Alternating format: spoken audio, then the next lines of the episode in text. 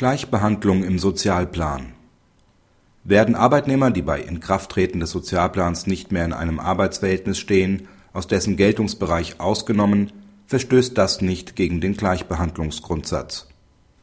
Der Arbeitnehmer ist seit 1986 in einem Betrieb beschäftigt, den Ende 2005 die TAG übernimmt. Diese plant Restrukturierungsmaßnahmen im gesamten Konzern und vereinbart im Dezember 2006 mit dem Konzernbetriebsrat, vor der Umstrukturierung über Interessenausgleiche zu verhandeln. Im Februar 2007 kündigt der Arbeitnehmer. Im Juni 2007 schließt die Arbeitgeberin einen Sozialplan mit dem Konzernbetriebsrat für die Arbeitnehmer des T-Konzerns. Arbeitnehmer, die ihr Arbeitsverhältnis selbst kündigen, haben keinen Anspruch auf Sozialplanabfindung. Im März 2008 kommt ein Interessenausgleich zur Neuordnung des Bereichs zustande, in dem der Arbeitnehmer zuvor beschäftigt war.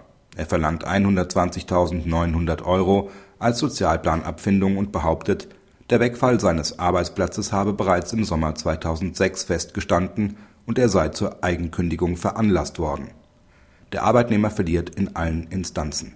Nach der klaren Regelung zum Anwendungsbereich gilt der Sozialplan nur für solche Arbeitnehmer, die zum Zeitpunkt des Inkrafttretens des Sozialplans noch in einem Arbeitsverhältnis mit dem T-Konzern stehen.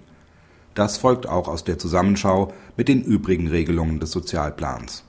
Der Arbeitnehmer erfüllt diese Voraussetzung jedoch nicht, denn mit seiner Eigenkündigung hat er das Arbeitsverhältnis vor Inkrafttreten des Sozialplans selbst beendet der Abfindungsanspruch ergibt sich auch nicht aus dem betrieblichen Gleichbehandlungsgrundsatz des § 75 Absatz 1 Betriebsverfassungsgesetz.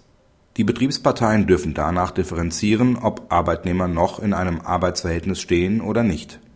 Die berechtigte Annahme, dass Arbeitnehmer, die vor Inkrafttreten des Sozialplans selbst kündigen, weniger oder gar nicht von den Auswirkungen der Betriebsänderungen betroffen sind, rechtfertigt die Unterscheidung.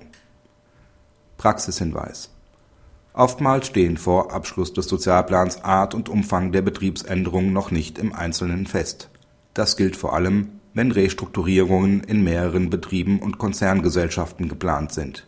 Das BAG kommt den Betriebsparteien insoweit entgegen, als dass es den Zeitpunkt des Inkrafttretens des Sozialplans als sachgerechte Zäsur anerkennt.